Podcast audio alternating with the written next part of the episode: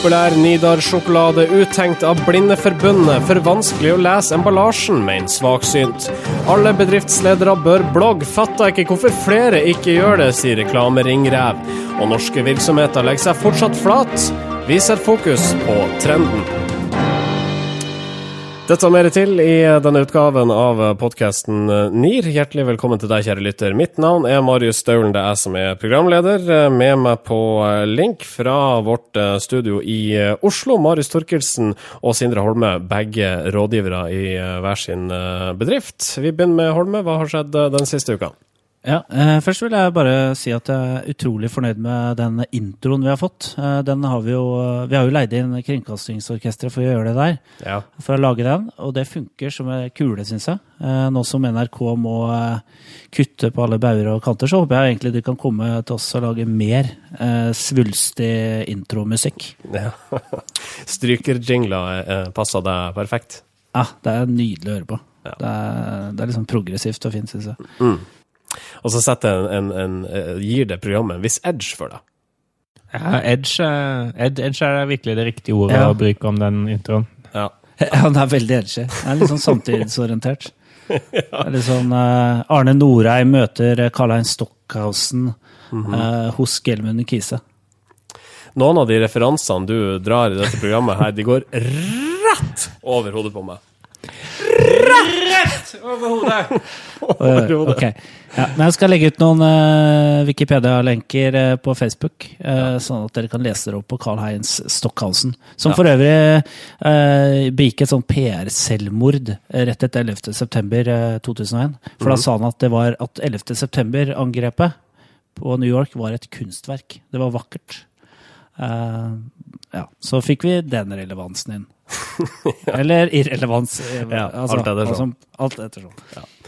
Vil du si noe mer om hva som har skjedd denne her uka, eller var det på en måte ditt introduksjonsbidrag? Jeg, jeg vil si at uh, Jeg vil fortelle alle at Lou Reed er død. Uh, gamle grinebiteren, uh, som også var et geni. Ja, eh, eh, egentlig. En fantastisk musiker som har inspirert veldig mange lofi-artister, ikke minst. Eh, jeg så han faktisk i 1993. uh, nå er jo jeg i tidsmaskinen, en levende tidsmaskin her. Uh, da var ikke dere født engang. Men jeg så han på Roskilde i 1993 med Velvet, Underground, så hipsterpoeng til meg der. Eh, men jeg, jeg har vært litt opptatt av det, da. I tillegg så har jeg vært litt sånn opptatt av at eh, Eller jeg har sett det har kommet en ny sjanger i media, og sjangeren heter PR-folk som mener at egen bransje bør bli mer åpen. Ja. Tre år, tre år for seint. Kjempeåpen bør den bli. Ja, og det har vi funnet ut nå, liksom etter at uh, folk har kjekla om det her i snart en halv mannsalder. Ja. Så kommer de ut og sier ja, nei, jeg er enig i det at uh, jeg syns vi bør bli mer åpne, da. Ja, ja, ikke se, nok seriøst, åpne, hvorfor da. er vi ikke mer åpne? Vi, er, Ja. vi oppfordrer til åpenhet. Er det en debatt om det, ja? Ah, Ja, okay. Det er litt sånn Ludvig i Flåklypa. Åpenhet, f- Åpenhet, liksom- er ikke det, farlig? PR-bransjen. Ja? Er ikke det farlig? Ok. Um, vi går, eh, takk til deg, Sindre, og vi går til eh, Marius Torkelsen. Hva skjer eh, i din verden? Jo, nå skal du høre.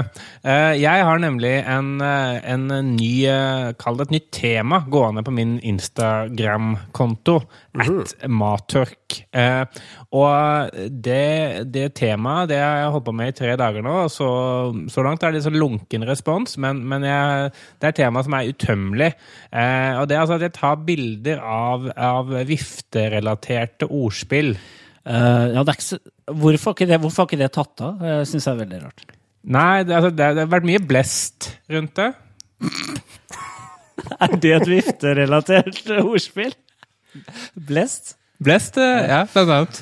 Eh, så, så det, Men- har men- vært, det har tatt mye tid. Uh, det er mye det går inn i min personal branding-portfølje. Men Instagram er jo en bildetjeneste. Hvordan Ja. har du tenkt å lykkes med et ordspill på Instagram? Nei, for eksempel altså, så hadde jeg eh, satt en vifte i et skap, og så hadde jeg da bilde av det, eh, og, så tatt, og så hadde jeg skrevet under 'skapfan'. så det blir mer av det framover. Ja. Hvor mye mer av det blir det? Nei, det, det konkurrerer med niertiden, så jeg får håpe at det ikke blir for mye. Ja. Uh, vi får håpe at det fortsatt er tid til å spille inn den ukentlige podkasten, da. Ja. Ja. Nei, men ok, eh, så bra. Da føler jeg det at uh, lytterne har fått den nødvendige oppdateringa fra deres liv, mine rådgivere uh, og venner. Uh, vi ønsker hjertelig velkommen til en ny episode av Norske informasjonsrådgivere, nærmere bestemt episode 48. Norske informasjonsrådgivere. Vi starta denne sendinga hos Blindeforbundet, som nå gjør opprør mot uleselig skrift på produkter og tjenester. Ifølge Sverre Fuglerud der borte er det et omfattende problem at designere og produsenter velger dårlig kontrast og liten størrelse på skrifta. Og hver uke trekker Blindeforbundet frem en versting på området, og denne uka er det Nidar, sjokoladeprodusenten Nidar, som får tyn eh, for emballasjen til den semipopulære, vil jeg si, gullbrødsjokoladen. Det er, eh, det, den er semipopulær, det tror jeg du har helt rett i. Den er Ja. ikke, det er ikke den som får overskrifter eh, hver uke. Eh, det er andre sjokolader som får, uten at det kommer på noen i farta. Den er, den er ca. på samme popularitet som Lorengrin. Lohengrin, er det vel heter. ja. ja, nettopp. Det understreker poenget ditt. Hva nå enn heter. Rifla. Nei, ja, et eller annet. Ikke sant? Ja. ja. Og det her er jo et eh, stort problem, eh, har eh, Blindeforbundet funnet ut. Det viser at til og med 50, altså, så mange som 57 000 mennesker har tatt feil type medisin pga. Liten, for liten skrift. Og 439 000 har spist allergifremkallende mat pga. liten skrift eh, på pakning. Så det er jo et kjempeproblem. Ja. Og eh, det er jo Try Apt, Try og Apt som har eh, hjulpet Blindeforbundet med den kampanjen her. Og de får jo kjempemye oppmerksomhet. Men det liker jo ikke da Nidar og Orkla, som eier Gullbrød. For de føler seg uthengt. Ja, altså når, når Gullbrød De vant jo forrige ukes mest uleselige produkt. Ja. Eh, og eh, da måtte, tok Blindeforbundet ut eh, annonseplass i både printmedier og digitale medier, hvor de måtte viste fram ukens versting. Og jeg tenkte jo bare Gullbrød? Det er lenge siden jeg har spist. Ikke Altså, når i all verden hadde liksom Orkla tatt ut eh, penger på å reklamere for gullbrød? Altså, ja, ikke sant? Det er sånn, det har vi ikke prioritert uh, nå, og nå er det snart jul, og det må jo være perfekt Ja, ja. Uh, timing, egentlig, for litt uh, kommunikasjon av gullbrød. Men er det noen av dere som har sett en gullbrødreklame noen gang? Jeg kan ikke erindre Nei, jeg, jeg, jeg kan ikke huske det heller. Altså, Ikke det er. Nei. Eh, jeg syns det er veldig sprøtt, egentlig, at plutselig gullbrød har blitt så mye snakket om. Og, og, og han, han, han, som er kommunikasjonsdirektør i Jørkla, altså Robert Rønning, han, han sier jo det at eh, han føler seg uttenkt. For han mener at det er helt umulig å gjøre noe med den pakningen, for den er såpass liten, og det er designhensyn, og det er mange sånne kjemiske stoffer med lange navn som måtte skal skrives på pakningen. og sånn. Emulgan, eh. Emulganparallideen, ikke sant? Eh, så, så måtte det å endre det, det mente de at det er, at det ikke går an. Altså, de, de så ikke helt poenget med at eh, eh, Blindeforbundet gadd å bruke tid på dem, for de kunne, ikke gjøre, noe. Og dessuten så mente han at gullbrød har eksistert så lenge uansett av folk som er allergiske mot det. De har sikkert slutta å spise det. Eh, men det er jo eh, Jeg tror nok eh, Altså, det som kunne vært litt spennende, er om Gullbrød kunne fornya produktet sitt, f.eks. lagt ved lupe. Eh, ved hver, eh, hver sjokolade, sånn at man hadde sluppet å gjort noe med pakning, men kunne gi folk mulighet til å lese allikevel. Ja. Eh, for da hadde man på en måte gjort litt sånn vi gjør med Donald-blader. Legge ved en eller annen sånn lekedings. Men her kunne det vært en nyttig dings, da, for så vidt. Mm. Lupe og gullbrød. Og så kan, du, og så- og så kan en av de lupene være i sånn forgylt gullinnramming, og da, hvis du finner gullupen, så får du en omvisning på sjokoladefabrikken, og så mye sjokolade med deg hjem som du vil. Enten det, eller kan, kan du gjøre et samarbeid med sånn Specsavers, eller mm. altså du får sånn kuponger på sånn brilleglassjekk, øyesjekk, ja. sammen med gullbrødet. Det er, mange muligheter for co-branding her.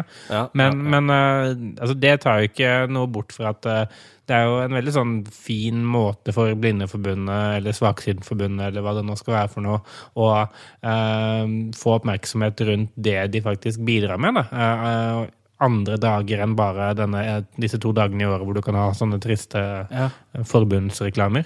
Eh, så så måtte det at de gjør dette og er såpass måtte, tør å trøkke såpass til å være sånn kritiske, det, det tror jeg er veldig bra for dem. Så, men, men for Nidar, er det uheldig dette her? Eller, eller er det som vi diskuterte innledningsvis, ah, endelig eksponering av gullbrød igjen? Ja, endelig eksponering av gullbrød. Men jeg, men jeg savner jo at uh, uh, type sånne FMCG-produsenter, altså Fast Moving Consumer Goods, altså folk som driver med den type produkter, som er veldig sånn forbruker... Uh, ja, som forbrukerne har et sånn ganske nært forhold til. At de, at liksom ikke, at de ikke ser sitt eget produkt i en litt større sammenheng. Da. For jeg syns, at, at, jeg syns ikke det burde være så overraskende. Jeg syns faktisk at de ikke burde være så hårsåre som det. Nei, for Orkla blir litt snurt her òg. Ja, ja, det blir snurt. Det er litt sånn så, samme som når uh, Bie Rønning hang, hang, ut Grandiosa og stabburet. Ja, uh, ikke sant? Altså, man kødder liksom ikke ja. med dem, fordi de er såpass store og de er vant til uh, sånn typiske forhandlinger med dagligvaren. Altså kommer Orkla bare inn og sier 'vi er Orkla, vi gjør som vi vil'. Ja. Vi betaler det vi vil, og vi har produktene våre der vi vil. Mm. Og så kommer liksom noen og pirker litt borti dem og sier at hei, kanskje det er litt vanskelig å lese den bitte lille skriften på den sjokoladen dere har hatt i 40 år som dere nesten ikke selger nå. Kan dere gjøre noe med det? Nei! Dette er uthenging. Ja. Det, det, her er jo Hvis du ser dårlig, så liker du sannsynligvis ikke gullbrød uansett. Ja, nesten det han sier. Det hadde vært, ikke sant? Jeg, jeg mener, her er jo en gyllen uh, Gyllen uh, Jeg skal prøve å la være å bruke sånne ord. Uh, ordspill. Men uh, her er det jo uh, Blindeforbundet er jo Altså, det er jo ikke bare gullbrød som har liten skrift og dårlig kontrast. Altså rød på gull, eller utglidd rød skrift på gull, eller hva det er for noe. Mm. Uh, det er jo sikkert Altså, de kan jo plukke ut hele Nidar sin katalog av produkter egentlig og kåre de til verstinger hver uke. Så her ville jeg, hadde jeg vært Orkla eller Nidar, så ville jeg gått i, i dialog med Blindeforbundet og sett hvordan kan vi få til noe som å bli de blindes prefererte merkevare. Eller bare minke skriften på alt og få gratis omtale hver eneste uke. ja, det er også mulighet. Alle Å være like smurt hver uke. Ja. Nei. Ok, Skal vi prøve oss på en tommel opp eller tommel ned for Blindeforbundet Try og Apt? En eh, blindestokk eh, opp. Eller ned. Tommel opp. Alt ettersom. Tommel opp, heter det. Norske informasjonsrådgivere. Det skal dreie seg om eh, Nils Petter Norskar, en eh, gammel ringrev innen markedsføring. Også leder for Social Media Days, vi starter om det. Eh, Norskar mener flere ledere bør blogge, og han skjønner ikke hvorfor de ikke gjør det. Når man ser hvilken effekt lederbloggene har, er det en gåte for meg at ikke flere tar et lynkurs i blogging. Det skriver Norskar i et innlegg eh, på kampanje.com. Ja, han, han, mener jo det at uh, norske ledere flest de har såpass, såpass mye å melde og såpass mye på hjertet og er såpass formidlingssterke at alle som en burde inn på, uh, på blogg, eller inn i bloggsfæren alt ettersom hvor gammel den personen som er, sier det. Ja. Uh, og uh, han, han, han, henviser bl.a. til uh, Petter Stordalen og Paul Shaffey som eksempler på folk som har mye bra å dele, og, og som måtte gjøre seg godt i bloggsammenheng. Og Paul Shaffey er vel ikke leder lenger, han er vel nå statssekretær, uten at det egentlig kanskje spiller noen rolle. Han sier bare det at man, hvis man hvis man klarer å blogge som sjef og klarer å knytte det opp til, til, egen virksomhet, og er tydelig på at du representerer e-, egen virksomhet samtidig som du melder smarte ting, så er det en no-brainer. Men det å blogge, eh, det har vel for mange eh, virksomhetsledere vist seg ikke å være bare bare? Det er utrolig krevende for en del eh, virksomhetsledere, fordi at man driver med en type virksomhet som kanskje ikke er veldig interessant i utgangspunktet. Altså Deckman, for. Skal, du skal jobbe litt, da. Ja, ikke sant? Du skal jobbe litt for å for få det allment uh, relevant, da. Eller relevant for flere. Uh, False Company skrev jo i fjor at 'blogging is dead'. Og det er jo litt på grunn av at det er så mye andre plattformer som har kommet. Og det er mye med sånn der lightweight uh, type interaksjon som er mer populært. Du ser jo liksom Insta, det, er ingen, det, er ikke for ingenting at Instagram har blitt stort, for det er en enkel måte å formidle på, og det er liksom bildedrevet. Og det med å drive en blogg da med hvor du skal scrolle, scrolle ned for å lese en lang tekst uh, ja, Jeg vet ikke om du klarer å konkurrere om folks oppmerksomhet. Jeg tror det er vanskelig. Jeg syns det er litt pussig tidspunkt å begynne å snakke om eh, ledelsesblogging på, rett og slett.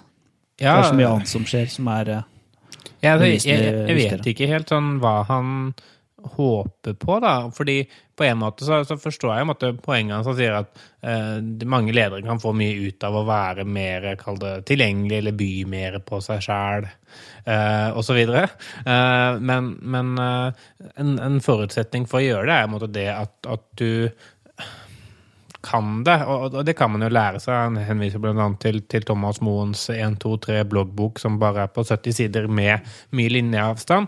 Eh, men, men likevel, altså det handler mer om enn enn det å forstå teknikken og forstå formatet. Du må jo faktisk kunne skrive for å at den tiden du bruker på det, faktisk også skal veie opp for noe interessant for de som faktisk skal lese dette her. For det er jo de man kanskje glemmer, da. Altså, eh, man kan jo si at ja, selvfølgelig bør ledere blogge, men, men hvem skal lese dette her? Fordi eh, i mange tilfeller, og når man kanskje utelukker de aller, aller største, mest kjente virksomhetene, så er lederne ukjente, lederne er uinteressante.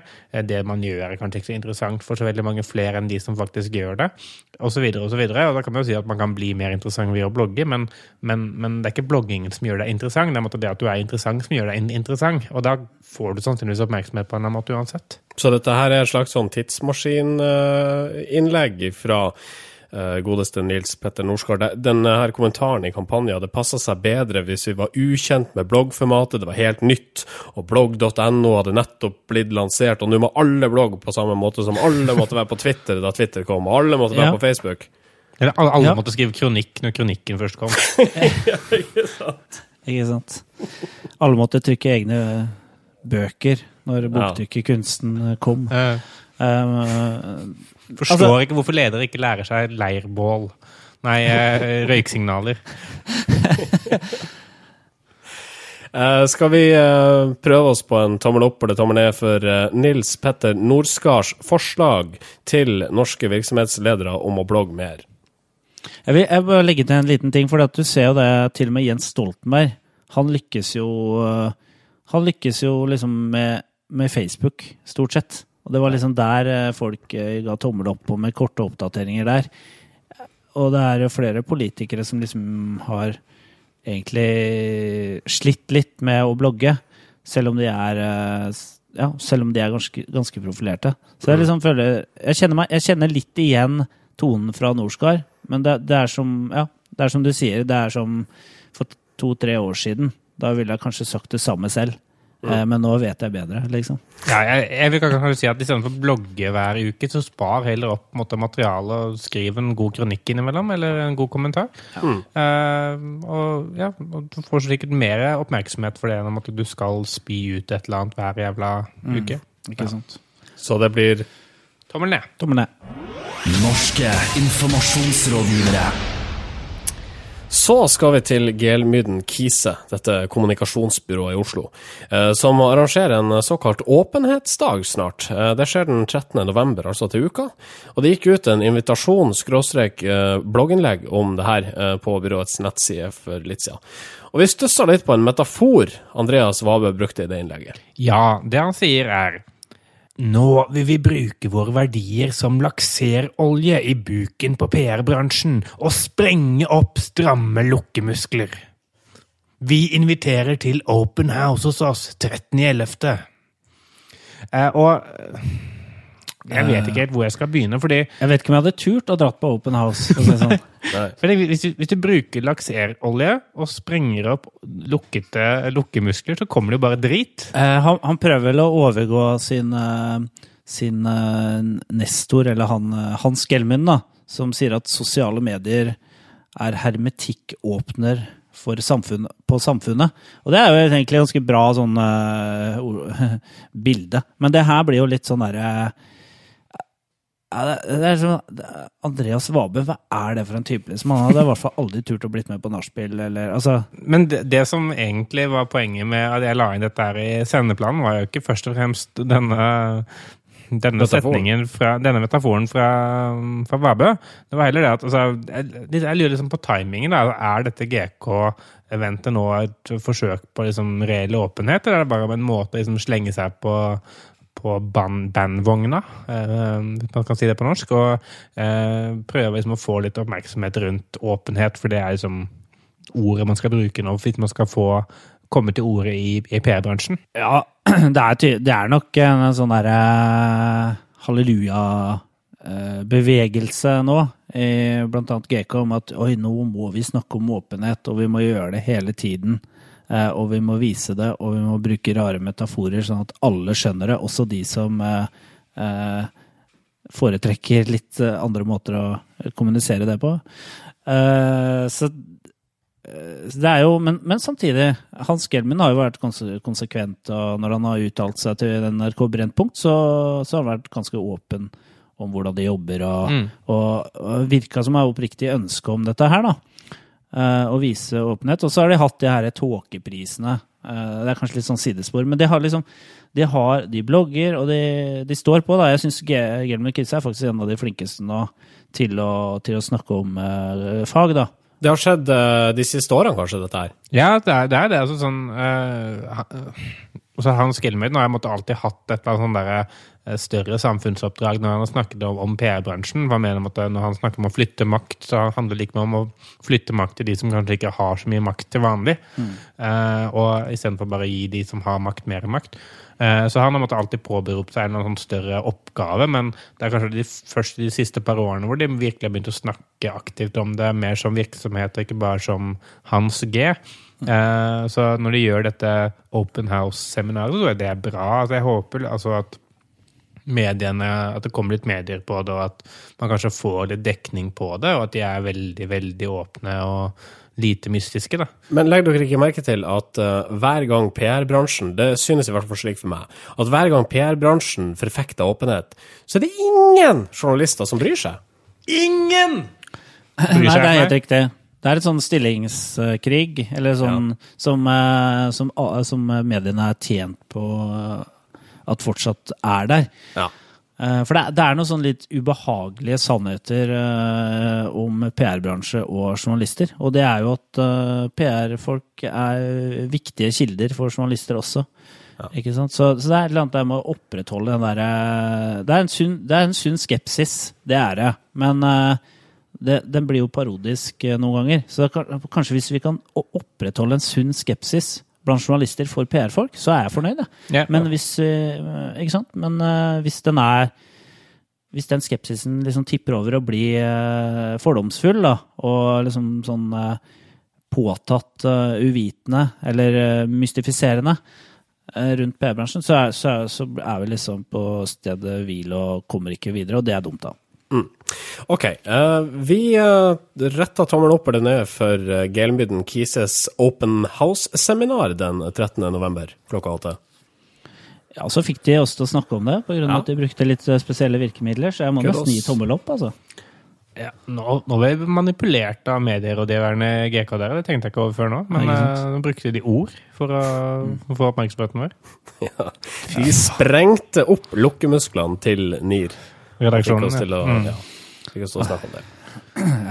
Det, Så det ble var- hvilken tommel fra deg, Torkils? Vi tommel opp. Ja, tommel opp herfra. Vi eh, skal til Midtøsten. Der eh, sitter Sveriges radiokorrespondent eh, Cecilia Udén. Hun var på lufta med en reportasje her om dagen der hun intervjua talsmannen for det egyptiske utenriksministerium. Og under dette intervjuet så brøt hun fullstendig sammen og begynte å gråte. Eh, radiobasert hulking fungerer som oftest ikke noe særlig, men akkurat i dette intervjuet så mener dere, eh, mine rådgivere i Oslo, at det faktisk gjør intervjuet bedre. Ja, vi mener det. Eh, Det er jo eh, veldig uvanlig å høre en reporter som bryter sammen eh, på lufta. Det er jo ikke direkte sendt heller, så det her er et virkemiddel fra UD-en sin side om å, om å vise at man selv blir en aktør i selve saken. Fordi at hun bryter sammen, og og det er av at Egypt behandler syriske mm, flyktninger på en veldig inhuman måte. Og det er jo flyktninger som kanskje har mista foreldrene sine og kommer over grensa, f.eks. for eksempel. Og det reagerer hun på. Og som mangeårig korrespondent så tenker hun ok, nå er det på tide at jeg også kan vise eh, hva jeg mener. Ja, Vi skal høre et uh, utdrag fra dette intervjuet, som altså gikk på Sveriges Radio. Vi legger ut uh, link på Facebook-sida vår til intervjuet gjort altså av korrespondent Cecilia Udén. You know, doing illegal migration, it's a crime against the law. I have met children who lost their parents in the sea. A little girl who was holding on to her dead father's body in order not to drown herself. I have met I have met women who lost their children. Nobody, nobody is helping them. And all you can say is we have the rules. Och där stänger utrikesministeriets talesman av min bandspelare, ger mig en näsduk och säger att intervjun är över. Uh, han eh, syriske ambassadøren sier også 'don't you micromanage the matter', uh, sier han også i det her intervjuet. Uh, så han liker jo ikke at reporteren da begynner å snakke om enkeltskjebner når det gjelder dette her. Og det er jo litt interessant, fordi at det er jo nettopp det det er. Og det er det det handler om, egentlig. Mm. Disse situasjonene her. Det handler jo om enkeltmenneskers skjebner. Altså det er, og det er, blir jo veldig tydelig med hennes måte å rapportere dette på. Da. Ja, altså man, man, kan jo spørre seg liksom, hva er oppdraget til journalisten? Da? fordi man kan jo at På én side så er journalistens kanskje oppgave i dette tilfellet å eh, få oppmerksomhet rundt dette som foregår i Egypt. Eh, hvordan eh, flyktningene eh, behandles og sånn. Eh, og det får hun kanskje mer oppmerksomhet rundt fordi hun eh, måtte velger å gjøre det på den måten som hun gjør det. Velger å inkludere måtte, hennes reaksjon på det. Eh, fordi man kan jo aldri måtte, fjerne seg helt fra sakene man dekker. Da blir man jo kun en maskin. Eh, så måtte bevise vise det at det går inn på henne, det, det, det, er jo sannsynligvis noe som bidrar til å få oppmerksomhet for det. Men det er måtte, den der grensen mellom når du eh, altså når, når, du kun er en, en reporter som måtte, dekker det fordi det er en viktig sak, og når du gjør det til en viktig sak ikke bare for med mediene, men for deg selv så blir du fort også en talsperson for det som ikke kan dekke det nøytralt senere. Da. Mm. Eh, hvis det skulle vise seg etterpå nå at det er noe i denne saken som altså Dette er en veldig unik sak, da, men, men si at det skulle vise seg at det var noe ved denne, denne saken som ikke er sånn som det virker, da. Mm. så ville det vært vanskelig for henne å måtte dekke det eh, troverdig. Da. Det, det, er et poeng, men altså, bare legge til, for det, det er forskjell på å snakke om den type tematikk og engasjere seg, enn å f.eks snakke om Israel og eh, Palestina. Ikke sant? Som, er, som, er med, altså, som er, en politisk sak. Dette er jo egentlig en håndtering av et, et uh, spørsmål. Uh, så det er jo uh, Det er på en måte ikke sånn at henne er veldig egyptkritisk. Uh, ikke sant? Da ville jo det blitt et problem å være en reporter i Midtøsten med troverdighet. Mm. Her er det snakk om en enkelt type sak, da, og da kan man faktisk som reporter engasjere seg syns jeg. I hvert fall får jeg den følelsen etter å ha sett det, eller hørt det innslaget her. da. Det var altså like før Cecilia Uden fikk eh, ukas kudos, men den har vi putta et annet sted. Mer om det seinere. Det blir vel tommel opp til den svenske reporteren, blir ikke det? Blir vel det. Tommel opp. Norske informasjonsrådgivere. Med ujevne mellomrom setter vi fokus på det som er blitt eh, enkeltes krykke når de gjør noe galt, nemlig eh, virkemidlet å legge seg flat. Dette her er flatindeksen. Yes. Nå er det jo eh, nå er vi godt inne i november, og det betyr at det er på tide å telle opp eh, hvor mange det er som har lagt seg flat i måneden som har gått. Og vi, grunnen til at vi gjør dette, er fordi det, det, å legge seg flat når man gjør noe teit, det er et veldig velbrukt grep som gjør at man slipper unna med veldig mange ting fra mediene. Fordi mediene hører når, noen sier eh, 'vi legger oss flate', tenker mediene OK, Ferdig, neste sak. Ja. Eh, og det fungerer så bra at eh, alle virksomheter og idrettsutøvere og barn og eldre med eh, demensproblemer benytter seg av det. Og eh, eh, derfor så ønsker vi kanskje det å fokusere på hvor jævla mye det egentlig er, sånn at eh, folk tenker seg litt mer om og kanskje står litt mer for det man, man gjør, istedenfor bare å feie det under teppet. Hvor mange er det som har lagt seg flat i oktober? Nå må jeg bare trekke pusten litt, rett og slett. 52! 52! 52 flatlegginger i oktober. Dette er unike flatlegginger. Hvis man teller opp antall saker om flatlegginger, så er jo tallet dobbelt. Jeg måtte gå gjennom over 100 saker for å finne 52 flatlegginger. Jeg er, jeg er forferda. Vi må ja. rett og slett ha den spalten oftere, så vi slipper å gå gjennom så mange saker. ja, er, Mye research ligger til grunn for denne spalta. ja, det gjør det, altså. Eh, og det spenner seg over et vidt spekter, selvfølgelig. Alt fra kommuner og, og idrettsutøvere er det mye av, selvfølgelig. Det må man ta med en klype salt. Men, men, uh, men bortsett fra det, så er det, det er mye, mye rart. Uh, og vi kårer jo da topp tre flateste fra måned til måned. Og topp tre flateste denne gangen er som følger. Eh, på tredjeplass så finner vi eh, en tittel som jeg ikke trodde fantes, men selvfølgelig så gjør den jo det. Eh, det er skiltansvarlig i Statens vegvesen, Erling Rustad, eh, som, eh, som er tredjeplassen. Og det er fordi eh, eh, han hadde måtte hatt ansvar for et skilt som ble satt opp i Kongsberg, som viste det at fra Kongsberg til Geilo så var det bare 73 km.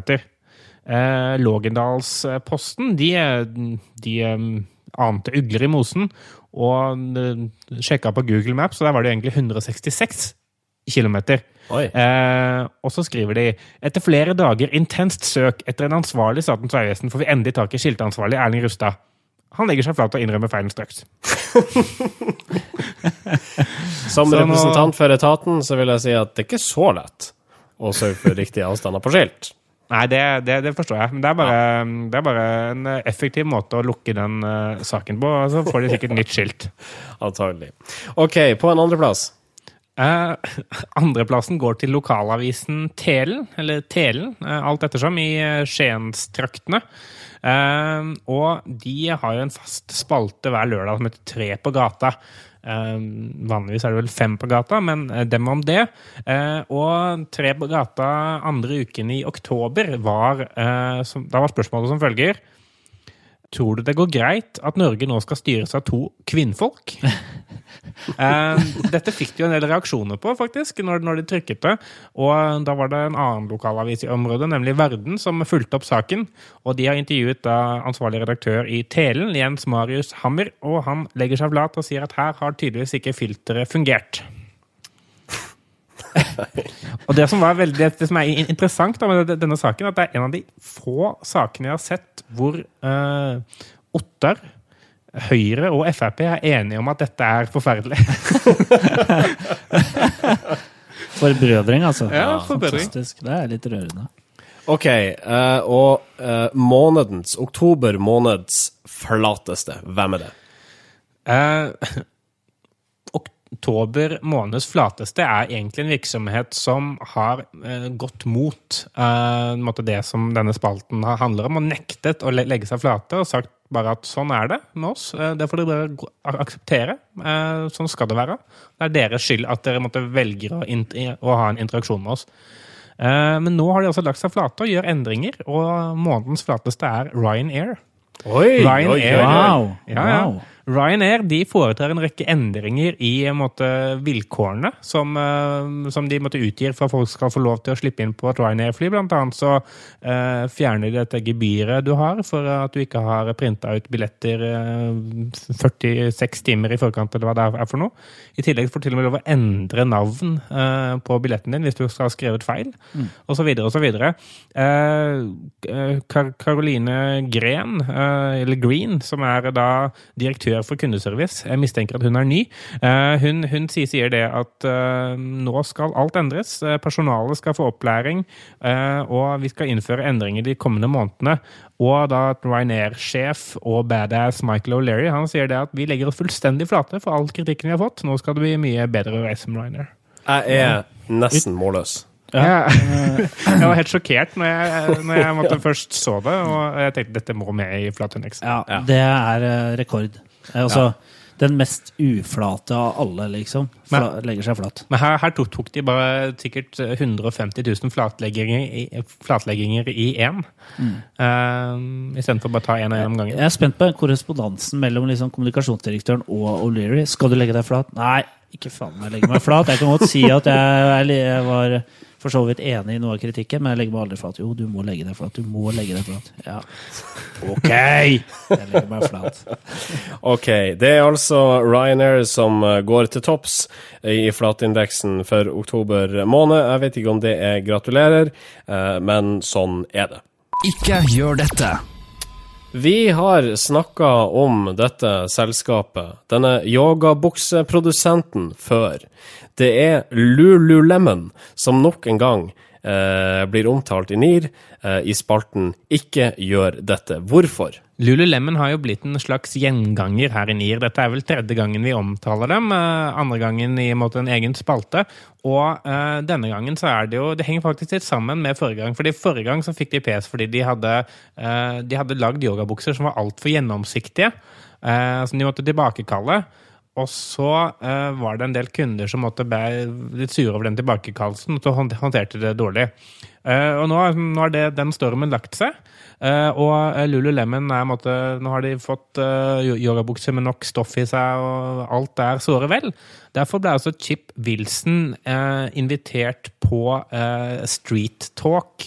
Hvem er Chip Wilson? Chip Wilson han er tidligere administrerende direktør i Lululemon, og også en av grunnleggerne. Nå bare arbeider han der. Og eh, det han sa det, han mente at den e- egentlige grunnen til at eh, eh, de fikk PS, var fordi det var for mange damer som strengt talt ikke bruk, burde bruke yogabukser, som brukte buksene deres. og da ble det gjennomsiktig. Og det skapte jo selvfølgelig furore i sosiale medier, og det er eh, fullt av boikotter og så videre og så videre. Ja. De røyk ut på igjen, gitt. De gjorde røyket det, på én. Det er ikke mye Hva skal jeg si? Det er ikke mye sånn m- mediterende Altså, de, de inviterer ikke til liksom sånn ro og Nei, det er ikke zen. Zen, liksom. Det er, det, er, det er litt mer pes enn det. Vi trenger ikke å belyse denne saken med um, fagprat for å få folk til å forstå hva som er galt her, tror jeg.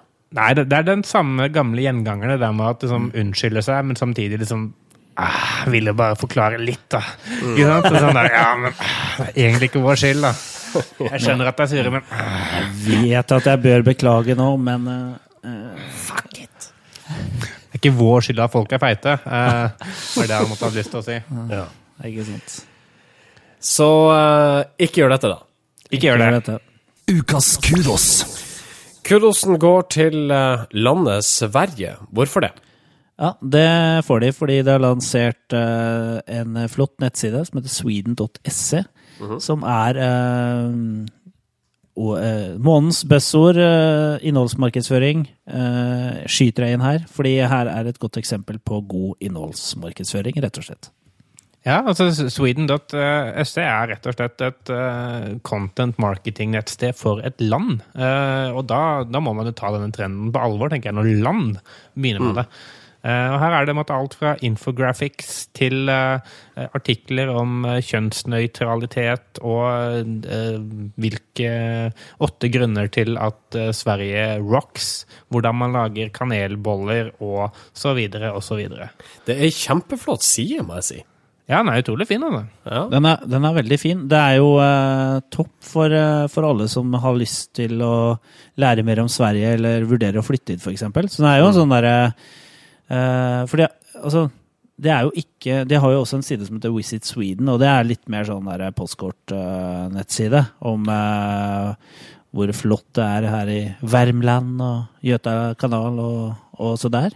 Ja. Men uh, Sweden Ah. er jo rett og slett mye sånn her, eh, mer nøktern, men eh, info da, om eh, hvordan det er å bo her. og eh, Svensk litteratur, og man kan lære litt om Sverige, da. Det er, det er, den er superbra. Det er mye sånne fun facts, f.eks. at eh, Sverige er eh, verdens nummer én eh, eksportør av listetoppmusikk. Yes. og har 52 100 innslag på måte, forskjellige hitlister rundt omkring i verden. Det er kul info. Fra 2001 til 2007. Eh, 100 000, eh, 100 000 svenske elger blir jakta ned og drept hvert år. Det er også sånn glad info. Yay! Eh, sjekk ut uh, sida sweden.se. Kudosen går altså til landet Sverige. Grattis fra oss i NIR. Norske informasjonsrådgivere. Dagens sending er over. Husk å like oss på Facebook hvis du vil. Facebook.com slash Nearcast. Send oss en e-post på nearcast.yahoo.com. Ja. Og du kan diskuteres på Twitter under hashtaggen Nearcast, og høre på oss på Soundcloud under soundcloud.com slash Nearcast. Og ikke glem å gå inn på kreativforum.no eh, på fredager, for da publiserer de en sak om oss der. Og resten av uka så publiserer de saker om andre ting som Ja. Du ikke trenger å lese, men som er også er fint. Som også er greit å få Det er litt dumt at de ikke publiserer saker om oss hver dag. Ja. Litt dumt. Vi runder av. I studio her i Bodø er det Marius Staulen som sier takk og farvel. Her i Oslo er det Sindre Holme som sier farvel. Og Marius Orkelsen som sier ha det. Og vi snakkes om ei uke.